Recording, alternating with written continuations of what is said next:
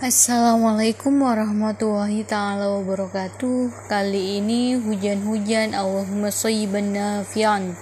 Semoga hadirkan hujan ini yang bermanfaat ya Allah bagi kami semua. Amin ya rabbal alamin. Oke. Kali ini kita akan membahas tentang sesuatu yang menarik nih teman-teman. Seperti yang kita tahu, kita itu sudah 2022 nih sekarang awal bulan ya awal tahun. Awal tahun pula ya kan?